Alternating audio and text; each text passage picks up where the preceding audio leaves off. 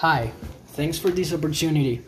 I'm Diego Martinez, and I'm the kind of person who likes to call a spade a spade. I like having fun whenever I do something, and that's why I'm always making jokes and laughing even though I take things seriously. I always try to be as good as fast.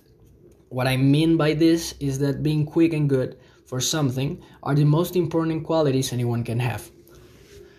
I'm not a guy who follows the crowd, but I do often listen to other people's ideas, looking for knowledge.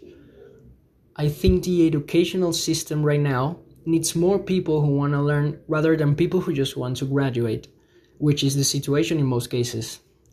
And, well, like El Bicho said, always try to be number one. Thank you for listening.